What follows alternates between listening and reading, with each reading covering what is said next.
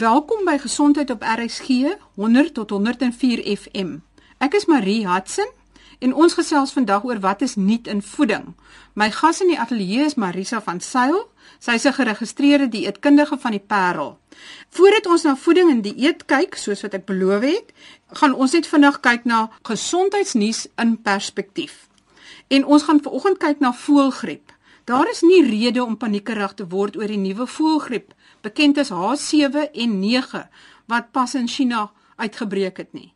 Daar is nie rede om te glo dat die antivirale middels, ons ken dit as Relenza en Tamiflu en dan is daar nog een of twee goedkoper generiese middels ook, nie doeltreffend teen hierdie nuwe voëlgriep sal wees nie. Nou, ons gas Marisa van Sail, sy's 'n geregistreerde dieetkundige van die Parel en Marisa, Kom ons kyk eers na wat is die basiese dinge van dieet en ons kyk na voedselgroepe. Wat is die basiese voedselgroepe wat ons moet verstaan hoe dit werk en wat dit is? Ja, dis 'n baie goeie beginpunt want op die einde van die dag as 'n mens nie weet waarvan iemand anders praat as hy praat van 'n koolhidraat tot 'n vet, dan gaan 'n mens nie mooi verstaan wat die persoon probeer sê. So in in kort kyk ons en ons deel voedsel op in groepe net om dit makliker te maak om aanbevelings te maak. Die die groepe is nie eksak nie. Ek dink mense raak soms verstrengel en hulle dink dat as 'n uh, die vetgroep byvoorbeeld 'n kilojoule waarde het van 190 kilojoules per porsie en die item het nou 195 en dan pas dit nie meer in nie. So dit is 'n dit is 'n algemene klassifikasie. Mens kan kyk na ses hoofgroepe om dinge maklik te maak. Ons kyk na 'n suiwelgroep en dis natuurlik ons suiwelprodukte soos melk en kaas en jogurt. Ons kyk na vleis of proteïene. Dit is jou produkte soos jou vleis en jou hoender en jou vis en jou dierlike produkte wildvleis ook. En dan is daar so 'n bietjie van 'n oorkruis met die graanprodukte waar 'n mens 'n groepie grane het wat baie proteïene in het. So as ons kyk na die graangroep, dan praat ons van goed soos koring en aartappels en rys en dan ook grane soos nuwerwetse grane soos 'n uh, spelt en mens kry nou ook die quinoa. Dit is alles grane en nou word dit 'n bietjie bietjie grys want van die grane se kwaliteite byvoorbeeld by bone wat ook onder onder jou grane geklassifiseer word, daar gaan oorvloei wees na die proteïengroep. So onmiddellik sien 'n mens al daar, dit is nie so wit en swart nie. Dan het ons groente wat redelik eenvoudig is en gewone klassifiseer ons groentes wat bo die grond groei as groentes en ons het vrugte wat normaalweg jou vrugte is soos uh, perskes en piesangs en appels en dan het ons die groep wat die skelwoord is die arme groep die vetgroep wat eintlik geweldig belangrik is dit is natuurlik ons olies en ons sade en ons neute voedsel items wat ryk is aan vet. En weer 'n keer net om 'n potensiële grys area uit te lig, iets soos byvoorbeeld 'n avokado peer is eintlik 'n vrug, maar as gevolg van sy hoë vet inhoud word hy dikwels as 'n vet geklassifiseer. Maar dit is 'n mooi oorkoepelende groot prentjie wat 'n mens kan kry. So met ander woorde, dis melk, proteïene, grane, groente, vrugte en vet en dan probeer ons die voedsel wat min of meer dieselfde karaktereienskappe het in hierdie groepies opdeel. En dan kry mens natuurlik die inhoud van hierdie voedselitems wat nou weer geweldig baie verskil. Met ander woorde Marisa, selfs al praat mens van 'n koolhidraat, of 'n voedsel wat ryk is aan koolhidrate. En koolhidrate is nou maar soos wat ons in die gewone taal ken, stysels. Dan bevat hy dikwels nie net stysel nie. Is, hy vat ook vet en hy kan dalk proteïene bevat. Dit is presies hoe dit werk. 'n Mens kan dit 'n stap terugvat en sê, maar ons hoef nie ons die voedselgroepe is soort van die man op die straat se klassifikasie. Die wetenskaplike gaan meer kyk na die klassifikasie van wat ons noem die makronutriënte en dit is dan jou proteïene, jou koolhidrate wat jou suikers en jou stysels en jou vesels insluit en dan jou vette wat verskillende soorte vette gaan wees. So dis amper een stapie terug, maar dit word dan baie tegnies. So die voedselgroepe is die man op die straat se manier om kos te kan klassifiseer en sin te maak uit aanbevelings uit. Marisa, wat het ons almal tot so 5 jaar terug gedink? Wat is 'n gesonde eetplan? Ek weet soort van ek moes al dikwels skryf oor hoe min vet mens moet eet. Maar deesdae het ek gelees van Daar's goeie vette en slegte vette. So, hoe verskil dit van wat ons eh, klompe jare gelede gedink het is gesond? Ja, absoluut. Ek dink toe ek op universiteit was wat al hoe langer en langer gelede is, alles het gegaan oor lae vet en hoe jy kan vet beperk en suiker is geen probleem nie. Jy kan soveel suiker eet soos wat jy wil. Mense sal onthou die X-faktor en die tipe van goed as ons maar weet hoeveel kwaad ons gedoen het. En eintlik as 'n mens 'n stapie teruggaan en jy gaan kyk na die basiese navorsing, is dit ongelukkig so dat baie van hierdie aanbevelings wat so algemeen as wet gepromoveer was en eintlik nie gefundeer was op regtig op navorsing en op feite nie. Dit is dikwels gepromoveer deur 'n persoon wat 'n boek geskryf het en dit was sy opinie. Nou gelukkig is daar 'n beweging al hoe meer en omdat da, soos die navorsing vorder dat meer en meer inligting weergegee word en gebaseer word op werklike feite. Dit beteken nou dat wat ons gesê het 10 jaar terug soos die laafie dieet is die alfa en omega weet ons vandag met baie meer spesifieke redes waarom dit nie vir almal werk nie. 10 jaar terug het ons nog nie die genetiese navorsing gehad wat ons vandag het nie. So dit is ek dink nie daar was ooit 'n doelbewuste poging om mense kwaad aan te doen nie. Ons het net nie die stukkies gereedskap gehad. Dit frustreer mense natuurlik omdat hulle sê maar julle kan nie besluit wat julle vir ons wil sê nie. Dit is soms omdat mense nog nie verstaan het wat die impak is op die individu nie. Mense het ook nie al die stukkies van die legkaart gehad nie en ek dink mense dit seker nog steeds nie, maar mense kom darm al nader aan 'n beter prentjie. Absoluut, soos wat die hele menslike genoom ontwikkel, leer ons meer en meer hoekom dit byvoorbeeld vir een persoon glad net nie goed genoeg is om spinasie te eet nie, maar hy het 'n aanvulling nodig vir folinsuur byvoorbeeld. So ja, jy's heeltemal reg wat dit betref. Marisa, wat is volgens die jongste navorsing die nuwe dinge waaraan ons moet aandag gee? Wat is nuut in voeding wat die mens daar buite moet weet? Ek dink wat die grootste verandering wat plaasgevind het op oor die afgelope 20 jaar is dat mense se dieet kan baie meer geïndividualiseer word. So 'n uh, persoon wat 'n laai ooptrek en sê, "O, jy het hoë bloeddruk, hier's vir jou 'n dieet," tel glad nie meer die die gereedskap wat ons vandag het om meer effektief te kyk na die individu en daarvolgens sy dieetmodifikasies te maak vir gesondheidsredes of om 'n siekte te behandel is baie meer spesifiek as wat dit 20 jaar gelede was. En dit is wonderlik want mense kan nou as individue behandel word, nie meer as 'n groot groep waar ietsie min of meer gewerk het nie. So mense sien ook in praktyk dat mense dit baie meer sukses met aanpassings wat mense maak. So die persoon wat byvoorbeeld 'n hoë cholesterol het wat op 'n regte dieet geplaas word, nie noodwendig op 'n baie lae dieet, se verandering in sy cholesterolprofiel is baie beter as wat die dieet wat ons 20 jaar gelede gedink het is ideaal vir hom. So dit is nie meer 'n kwessie van een dieet pas nou vir almal nie. Absoluut nie, absoluut nie. Marisa, wat van verwerkte versus onverwerkte kosse? Is daar 'n nuwe beweging wat dit betref? Dit is nogal vir my 'n wonderlike goue draad wat vir my deurtrek van my eerste les in chemie in my eerste jaar tot vandag toe waar ek nou al baie mense gesien en baie dinge gelees het, is dat as 'n mens terugkom na die kom ons noem dit die ou tydse manier van kos eet, dan is jy veilig. Die oomblik as 'n mens begin 'n groter inname het van ons moderne, meer verwerkte kosse, kosse wat uh, gemodifiseer is, byvoegings, bymiddels, al die tipe van goed, dan gaan daar altyd in die proses iets verlore. Iets gaan verlore van die van die inherente kwaliteite wat kos het. En uh, ons het nie mense het nie altyd beheer daaroor nie want ons lewe in 'n moderne wêreld. Ons lewe nie meer in 'n wêreld waar almal hulle eie groente in hulle agterplaas kan kweek nie. Ons leef nie meer in 'n wêreld waar al wat ek vandag het om te doen is om my brood te bak nie. So dit dit raak eintlik half meer gekompliseerd en meer ingewikkeld om terug te beweeg na die ou manier van doen. Maar wat soos 'n feit bewater staan is is as 'n mens jou dieet bou op basiese onverwerkte kossoorte soos wat op jou ouma grootjie se tafel was, dan gaan jy baie meer 'n sambreel gesondheid kan bereik as wanneer jy probeer om 'n gesonde gebalanseerde maaltyd saam te stel net uit produkte wat in boksies verpak is of in pakkies verpak is of vervaardig is wat half nuwe produkte is. Ek dink nou aan die geprosesseerde vleis as jy die stuk vleis op jou bord sien dan weet jy minstens dis nie kangaroo of buffel nie as jy nie dit wou geëet het nie. ja, net so. Marisa, kan ons bietjie kyk na die tradisionele lae vet dieet? die hoë proteïen gaan partykeers nou deesdae saam met hoë vet. Hoe onderskei mens? Hoe weet jy wat jy moet doen?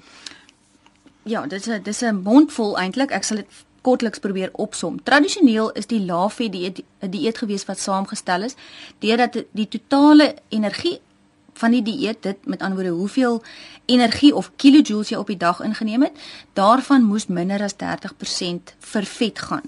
Nou dis 'n ingewikkelde sommetjie, maar dit het beteken 'n mens kon bereken min of meer hoeveel vet jy op daai dag moet eet en dan moes jy om daai min vet kwantiteit te bereik, moes jy baie konsentreer om byvoorbeeld goed te gebruik soos vetvrye melk in plaas van volroommelk of jy moes net maar hoenderborsies gebruik het en so aan. Dan Die effek daarvan was dat jy natuurlik ook ongelukkig saam met die vet belangrike vetoplosbare vitamiene uit jou dieet uitgeskakel het. Want soos wat jy die vet uitgeskakel het van die verskillende suiwelprodukte, was daar ook 'n fokus op alle vetuitskakels. Jy het ook nie neuteolies of plantaardige olies ingeneem nie en so het jou dieet eintlik vetarm geword, maar ook vetoplosbare vitamiene arm geword. Dit is half soort van vervang nou met 'n vreeslike hoe ha oor 'n hoë proteïen dieet wat gebaseer is op hoofsaaklik diereproteïene en dan in sommige gevalle sit mense klein bietjie groente by.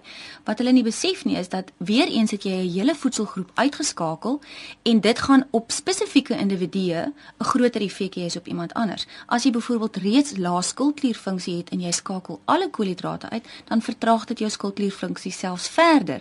So ja, die hoë proteïen dieet kan vir iemand soos professor Noakes baie goed gewerk het, maar dis nie te sê dit gaan vir almal baie goed werk nie. En en dan natuurlik die tipiese baie lae kalorie dieet waar mens amper jouself uitgehonger het, is baie effektief. Ek het nog nie iemand gesien wat regtig nie gewig verloor wanneer hulle so geweldig min energie inneem nie, maar die vraag is natuurlik wat het jy verloor? Het jy spiermassa verloor of het jy vetmassa verloor? Hmm. Op daai punt Jy luister na RSG Gesondheid 100 tot 104 FM. Ek is Marie Hudson en my gas is Marisa van Sail, 'n geregistreerde dieetkundige van die Parel. Ons gesels oor wat is die nuutste denke betreffende gesond en reg eet. En net om terug te kom Marisa oor As mens op hierdie verskriklike lae kalorie dieete is, is dit spiermassa wat jy verloor of is dit vet wat jy verloor? Weet, dit was in die ou dae baie selfs onlangs nog baie verkondig dat jy moet op 'n verskriklike lae kilojoule of kalorie dieet gaan, maar wat dan? Is dit nie 'n bevinding dat die mense net so vinnig dit weer optel nie? Die enigste persoon wat regtig gebaat vind by daai benadering tensy dit in 'n terapeutiese situasie geskied, want daar is beperkte plekke waar dit regtig belangrik is. As iemand in 'n lewensbedreigende situasie is, byvoorbeeld as gevolg van hipertensie, dan is dit baie keer aangedui dat 'n mens in 'n terapeutiese situasie vir hom op 'n baie lae kalorie dieet gaan sit. Maar as jy moet opstaan en jy moet werk toe gaan en jy moet beweeg en jy moet kinders by die skool gaan haal en jy kom terug en jy moet gou nog heen en weer dan gaan 'n baie lae kalorie dieet beteken dat jou liggaam dink daar is hongersnood en onmiddellik word alle prosesse vertraag en presies dit wat jy graag wil laat gebeur om vet te verbrand gebeur dan nie en jy verbrand dan spiere. So eintlik word jy al hoe swakker. Jy word wel ligter, maar jy word swakker en jy word ook metabolies swakker want jou spierweefsel is natuurlik dit wat jou metabolisme aan die gang hou en jou liggaam begin al hoe meer vas te klou aan elke liewe vetselletjie wat daar is. Absoluut. Om... Hy sê ek weet nie hoe lank ek gaan honger ly nie. Ek hou vas dit wat vir my die beste bron van energie is en dit is natuurlik vet want 'n gram vet het amper meer as dubbel soveel energie in as 'n gram koolhidrate of 'n gram proteïene. So hy hou aan daai vet vas en jy voel tog te fantasties want jy het op die skaal geklim vir oggend en jy's 4 kg af en jy vertel vir al jou vriendinne en hulle gaan almal na dieselfde plek toe en hulle kry dieselfde slegte behandeling die baie lae kalorie dieet is nie noodwendig aangedui vir mense wat dag tot dag moet aangaan met hulle lewens nie. Soos ek weer eens sê, as jy kom en dis 'n terapeutiese noodgeval en is 'n situasie van jou gesondheid, dan is daar plek daarvoor. Maar vir mense wat moet aangaan met hulle lewe, doen jy verseker meer kwaad as goed. Marisa, as ons moet kyk oor kalorieë of kilojoules, In 'n gewone eetplan vir 'n gemiddelde mens, 'n gemiddelde man, gemiddelde vrou, hoeveel kilojoules het 'n gemiddelde vrou, sê maar van 30 jaar oud wat redelik aktief is en nie op hierdie oomblik oorgewig is nie en so bietjie rondhardloop om agter die kinders aan, hoeveel kilojoules of kalorieë het sy per dag nodig? En wanneer word dit 'n lae kalorie dieet. Ja, dit is eintlik ook 'n vraag wat op sy kop gekeer gaan word want daar's pas navorsing vrygestel wat aangedui het dat ons insig oor kalorieë is ook nie heeltemal korrek gewees nie en dat 'n kalorie is nie gelyk aan 'n kalorie nie. Die manier wat kalorieë getoets word in voedsel is dit word in 'n basiese apparaat gesit wat genoem word 'n bomkaloriemeter. Dit word verbrand en dan meet die masjien die hoeveelheid warmte wat afkom van die verbranding. Maar ons as mense is nie 'n bomkaloriemeter nie. Ons is 'n lewende wese en ons liggaam moet werk om kosse te verteer. Soms moet hy harder werk aan sekere kosse as aan ander kosse. So wat ons nou sien met die kalorieë of kilojoule kwessie is dat dit baie mooi en pragtig om uit te werk. Iemand het soos om jou vraag te antwoord, 'n vrou het sê net maar gemiddeld tussen 6200 en so 7200 kilojoules op 'n dag nodig en 'n man se behoefte is so tussen 8400 en 10000 kilojoules. Maar hoe jy daai kalorieë opmaak, gaan 'n bepalende faktor wees in hoe effektief jou metabolisme is. As jy meer rou kosse eet, byvoorbeeld neute en bone en die regte soorte olies, dan gaan jy heelwat meer speling hê want jou liggaam gaan harder moet werk om daai energie te verbrand. So jy gaan in effek meer kos kan eet as die ou wat kosse eet wat baie maklik verteer of baie verfynd is. So die kalorieë ding word ook 'n bietjie ingewikkeld, maar op die einde van die dag as 'n mens gaan kyk op die ou manier om uit te werk wanneer is dit 'n baie lae kalorie dieet, dan kyk 'n mens na kalorie-inname van hier om en by 3000 tussen 2.5 en 3000 kilojoules en as 'n mens dit terugwerk na kalorieë toe dan is dit so ongeveer so 700 900 kalorieë. Jy kan maar sê as jy minder as 1000 kalorieë per dag inneem dan raak dit dalk bietjie Dit is jy so bietjie op die grens as jy aan die gang moet bly. Ja, ja. jy is so bietjie op die grens. Mense sien so baie advertensies van verloor 27 kg in 'n maand of 15 kg in 2 weke weet en uh, ons het eenslag so som gemaak dat dit beteken jy moet omtrent 3 Comrades maratonne per dag hardloop vir 3 weke aan een om daai gewig te verloor. Hoe vinnig is die ideale gewigsverliespatroon? Hoeveel kilogram per week of per maand?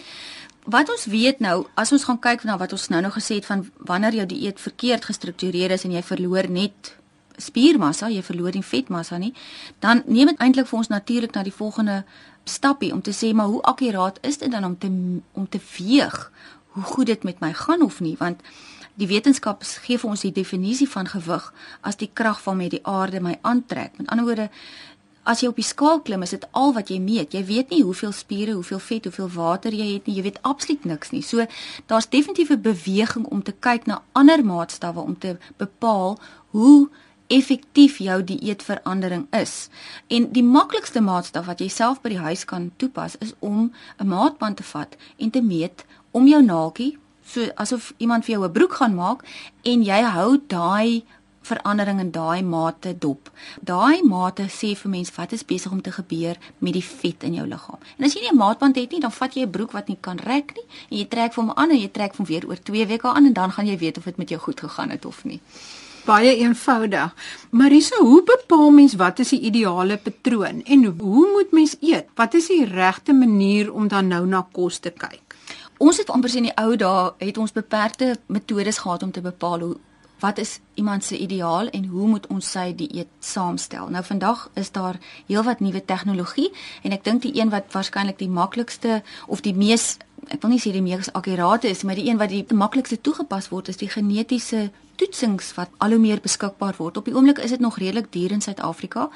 Maar as 'n mens gaan kyk na jou genetiese samestelling of jou genetiese risiko, kan jy baie akkuraat sien of jy byvoorbeeld sensitief is vir stysel of vir koolhidrate lank voordat jy 'n probleem gaan hê met verhoogde bloedsuiker byvoorbeeld. 'n Mens kan ook byvoorbeeld sien of jy die risiko het vir die hartaanval in verhouding tot jou cholesterol. So jy kan byvoorbeeld bietjie verhoogde cholesterol hê, maar jy het nie noodwendig die geen wat vir jou die hart aanval of die verstopte are gaan gee nie.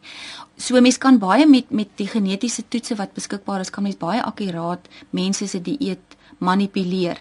Dit is egter nie so dat jy met 'n genetiese toets vir iemand 'n lys van kosse kan gee wat argumente onthou wat sy metabolisme gaan vinniger maak of nie. So dit is nog steeds in die konteks.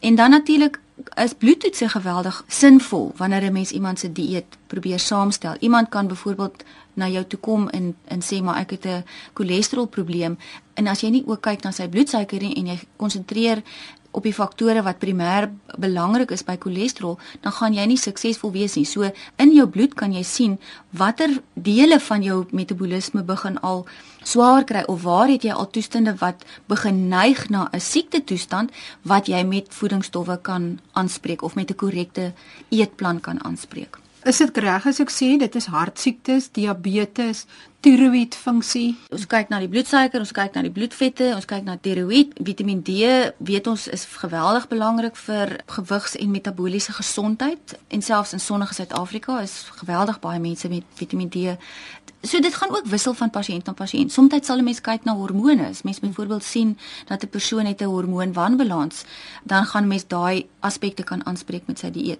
Mens kan ook soms kyk na wie meer op die endokrinologiese, die hormoonvlak, nie net die geslagshormone, maar ook die streshormone.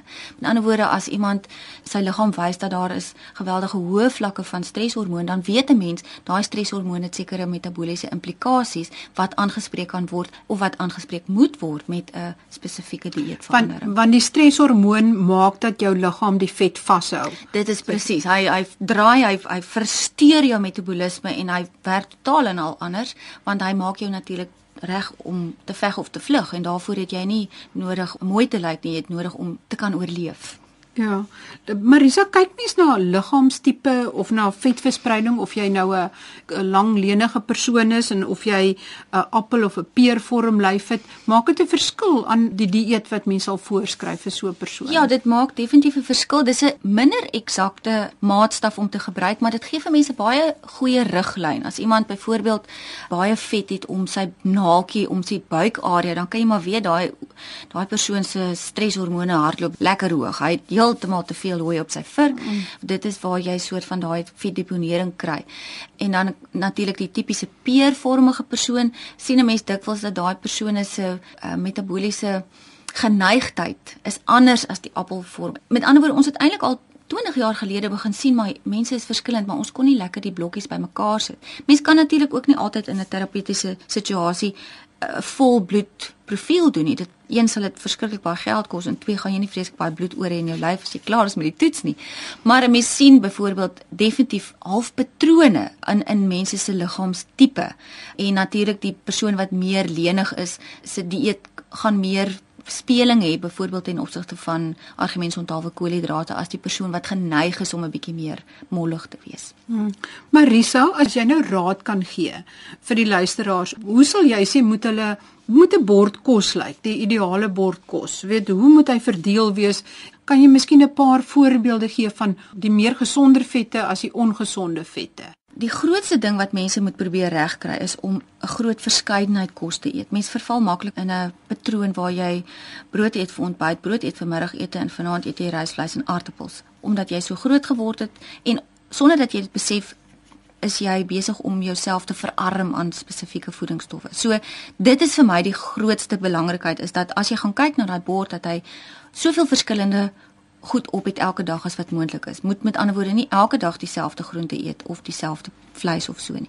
En dan as 'n mens die bord sou opdeel en jy maak 'n prentjie in jou kop van hoe my bord moet lyk, dan kan jy min of meer kyk na die, dat die helfte van jou bord moet groente op hê en ten minste die helfte daarvan moet groente hê wat bo die grond groei. So met ander woorde, aartappel en patat is groentes, maar hulle het 'n hoër styselinhoud. So ons klassifiseer hulle eintlik onder die styselgroep. So die groentes wat op ons bord moet wees, moet wees die tomaties en die komkommers en die broccoli en die blomkool en die kool en die al daai groentes wat en hoe kleurvoller en hoe kleurvoller hoe beter. Absoluut. En dan omtrent 'n kwart van die bord 'n proteïen en dit hoef nie 'n diereproteïen te wees nie. Dit kan ook afgewissel word met 'n plantproteïen soos bone of lensies of uh, botterbone of kekerertjies, Engels is chickpeas. Min mense ken vir kekerertjies. As mens nou die laaste kwart vat, dan sal mens sê, moet jy so skyfies soos uit 'n koek uit, omtrent so 'n derde van daai kwart moet jy afsny en dit moet jou vette wees, maar jy moet fokus op goeie onverwerkte vette. So moenie 'n halwe eetlepel van 'n vet op argumente of wel margarien op jou aardappel sit nie. Gooi liewer 'n bietjie olyfolie of canola olie oor jou slaai, want onmiddellik kry jy voedingsstowwe in daai onverwerkte olies wat jy nie noodwendig gaan kry in 'n verwerkte olie. Of jy kan selfs neute oor jou slaai sit. Dit tel alles as vet of avokado peer. Die kleiner porsie. Ek dink daar's definitief 'n belangrike skuif nadat omdat ons minder aktief is, omdat ons minder fisies elke dag is, het ons nie so baie energie nodig nie en ons het styselporsies nodig, maar ons het kleiner porsies nodig as wat ons voorsate wat met 'n osmosploeg nodig gehad het en maak seker dis onverfyn. Met ander woorde, kies die breinrys, kies die aartappel met sy skil, kies die patat wat uit die grond uitkom en maak daai jou daaglikse keuse as wat mens byvoorbeeld altyd net witrys of altyd net pasta eet. Dankie Marisa vir die goeie raad. Dit was gesondheid op RSG met Marie Hudson. Ons gesels volgende week weer.